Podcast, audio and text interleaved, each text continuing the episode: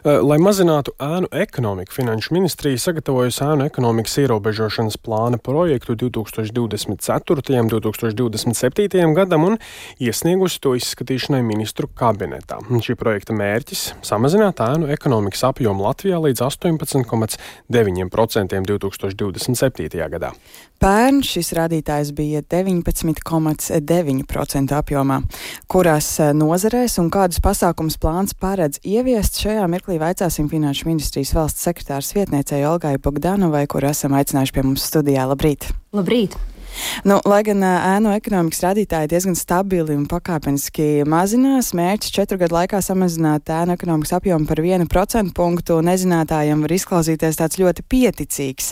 Nu, kāpēc tas mērķis ir uzstādīts šāds, vai nav iespējams darīt vairāk, lai mazinātu straujāk, kā ir noteikts šis mērķis? Jā, tad attiecīgi šis mērķis ir noteikts um, vadoties pēc, um, atsaucoties uz uh, tā saucamā Šnaidera, profesora Šnaidera metodiku, bet, protams, ēnu ekonomika var mērīt ar daudziem, daudziem dažādiem indikatoriem un, un, un uh, plānā ir izvēlēts tieši šis rādītājs, jo viņš ir savstarpēji ar citām Eiropas dalību valstis salīdzināms.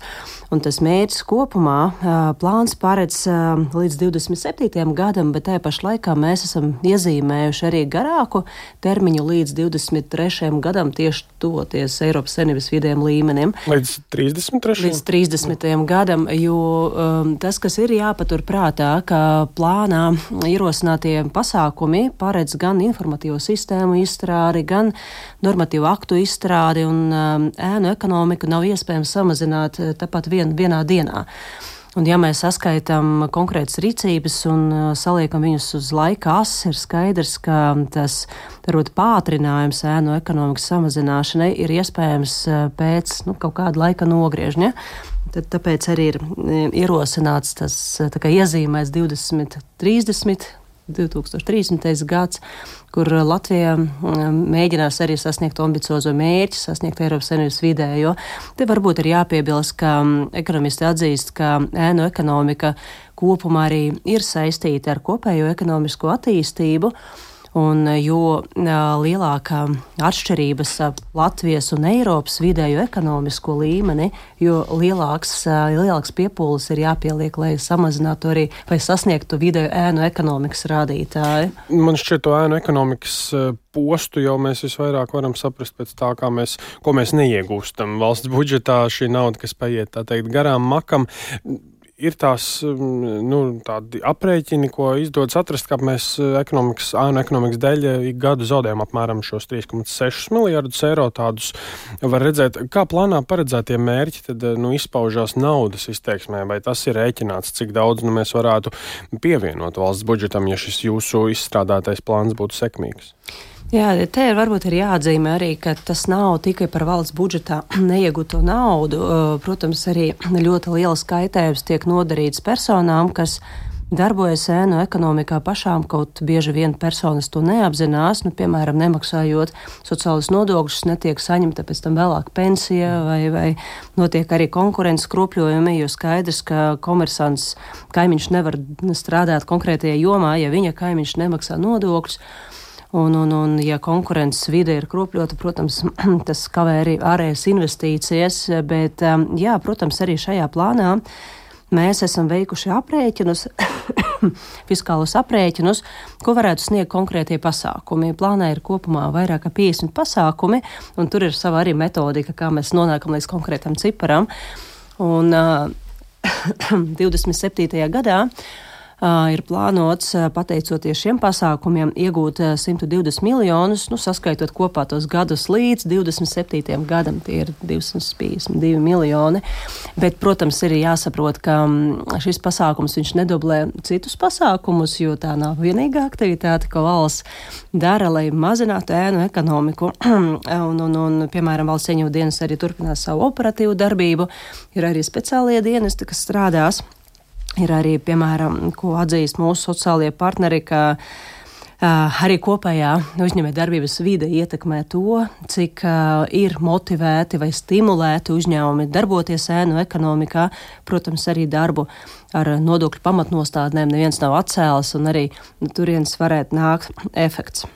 Jūs minējāt, ka sagatavotā plāna projektā kopumā ir iekļauti vairāk kā 50 eh, pasākumu, lai ierobežotu ēnu ekonomiku. Nu, varbūt jūs varat ieskicēt eh, būtiskākos no tiem vai eh, kaut ko tādu, kas ir nu, jauns, kas līdz šim nav vispār darīts. Jā, kopumā ēnu plānā ir četri virzieni, kādos šie pasākumi ir sastādīti, un Finanšu ministrija šoreiz ir pie, piegājusi diezgan sistēmiski sākumā un strādāja pētnieki divus gadus um, meklējot nu, tos virzienus un iniciatīvas, kas varētu dot to lielāko efektu ēnu ekonomikas mazināšanai. Tad strādāja četras darba grupas, un tad rezultātā ir tie četri virzieni. Uh, pirmais virziens ir tā saucamie horizontālie pasākumi kas koncentrējas pārsvarā uz um, vairumtirdzniecību, mazumtirdzniecību un skaidras naudas aprits, nu, pārsvarā nelegālās aprits ierobežošanu. un šeit um, Tādēļ attiecīgi mūsu tādi tā kā varbūt svarīgākie pasākumi ir pirmām kārtām pēc iespējas lielāka. Uh, uzņēmē darbības veicināšana augstākās uh, reitinga klases uzņēmumiem, uh, kā zināms, drīz valsts ieņēmuma dienas arī nāks klājā ar uzņēmumu novērtēšanu pēc reitingiem un pēc būtības um, tas, ko valsts gribētu izdarīt, lai, piemēram, tajos pašos publiskajos iepirkumos ir mazāk um, nu, motivēti piedalīties uzņēmumi, kas īstenībā maksā aploksņa algas. Jo kā tu vari piedāvāt zemāku cenu, maksājot aploksņa algas, un tad tas aburtais lokus, no kura mēs gribētu iziet ārā. Tad ir būtisks pasākums pamainīt principu, kā tiek maksāta alga. Šobrīd normatīvais regulējums paredz, ka nauda primāri tiek maksāta skaidrā naudā. Un eh, tas princips tiek ma eh, mainīts uz to, ka alga primāri tiks izmaksāta bezskaidrā naudā. Mēs neaizliedzam maksāt skaidrā naudā, bet tajā pašā laikā, ja tas tiek darīts, no darba devēja aizies uz valsts ieņēmuma dienestu atzīme, nu, kas ir tie pa cilvēkiem, kuri saņem to aldziņu skaidrā naudā. Ja, piemēram, tie ir lauki vai, vai, vai ir kaut kādi īpašie gadījumi, viss ir skaidrs, neviens neaizliedz, tikai aizies ziņa.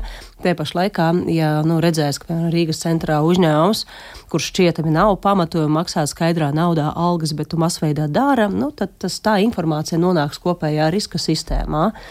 Tāpat arī nonāks ziņojumi valsts ieņēmuma dienestam par to, ka skaidrā naudā tiek, skaidra nauda tiek iemaksāta bankomātos vai tiek izmaksāta no bankomātiem, un arī viens tas, tas cipars pats par sevi neko nenozīmē, bet saliekot viņu kopā ar citu informāciju, Var protams. Redzēt kaut kādus schēmas, mēģināt. Atklāt. Jā, gan schēmas atklāt, gan arī, piemēram, ja skā, nauda, aldziņa ir saņemta skaidrā naudā, tu viņu pēc tam iemaksā. Nav jautājuma, bet ja pēkšņi kaut kādas lielas naudas summas parādās noteiktos mēnešu daudzumos, tas varētu arī liecināt par par kaut kādām anomālijām. Teiksim. Nu, un, ja viss ir pareizi un kārtībā, tad jau arī, ja kādam rodas interesi, tad varēs izskaidrot. Tur nav ko satraukties. Viennozīmīgi, jā, varēs paskaidrot, kāpēc, un, un, un tas tiešām tiek izmantots kopsakarā ar pārējo mhm. informāciju. Mm -hmm. Bet tad, tad var noprast, ka galvenokārt šie pasākumi tomēr nav tikai uz bargākiem tur sodiem, bet jūs mēģināt eh, to sistēmu kaut kā mainīt, ne, vai vismaz ietekmēt jau saknē.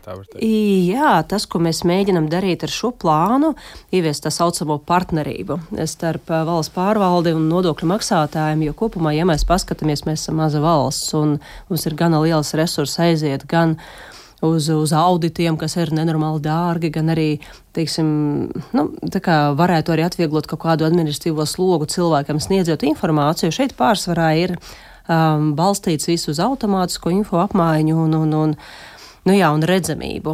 Un, uh, uh, nu, idejas, ka tas, ko valstī būtu jāsasniedz, ka dati nonāk valsts ieņēmuma dienas rīcībā automātiski un tālāk jau uh, tiek piemērota tāda fokusēta uh, fokusētais darbs ar paaugstinātā riska personām, un tas, protams, ļaus atvieglot resursu un uh, efektīvāk strādāt ar tām riska personām un arī neuzdot liekus jautājumus tam personām, kur, kur nav nekāds pamats tam.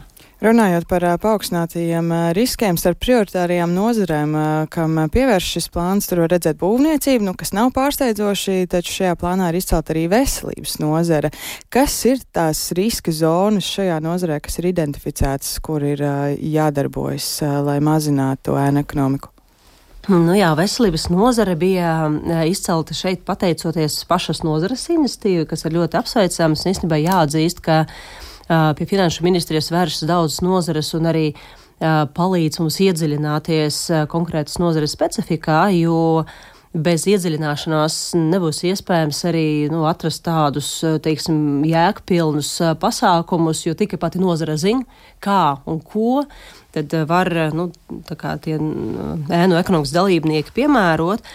Veselības nozarē varētu izcelt, piemēram, ekvītis un e-kvīts nonāks turpmāk elektroniskā veidā. Kāpēc tas ir vajadzīgs? Nu, pirmām kārtām tas ļaus arī operatīvāk apstrādāt datus, un vienlaikus tas, ko mēs esam redzē, pamanījuši, ka, piemēram, atsevišķos gadījumos, cilvēks atnā, atnes kvītiņu, tātad iesniedz, lai dabūtu nodokļu atvieglojumus, bet varbūt tas zobārs nemaz nav sniedz pakalpojumu. Mm -hmm. Beigās tu neredzi to kvītiņu no otrās puses, un tas, protams, tas ļaus arī varbūt sakārtot šo sistēmu. Interesanti minējāt, jā, ka tā ir pašas nozars iniciatīva. Viennozīmīgi, jo tie, kas sniedz tādus, nu, teiksim, puslicencētus, nelicencētus mm -hmm. pakalpojumus, viņi rada arī drausmīgu risku sabiedrības veselībai. Jo bieži vien, tas aspekts nāk, bieži jā. vien, jā, cilvēki saņem to pakalpojumu pakalpojumu, veselības meitene, tur nezinu, tur skaistuma kopšanas pakalpojumu vai zobārsts ir sniedzis bez, bez čeka, bet nu, tas, ko mēs arī redzam, uz finanšu ministru nāk vēstules ar, ar drausmīgām sekām, jā, kas notiek ar to cilvēku pēc pusgada. Cilvēks nemaz neapzinās, ka taupat naudu var būt uz nodokļiem. Iespējams, tur arī vēl kaut kāda nu, ķēdes reakcija. Ēna ekonomika ir daudz plašāka un sērga, sauksim to tā. Jā. Paldies par, par sarunu Finanšu ministrijas valsts sekretārs vietniecei Olgai Bogdanovai.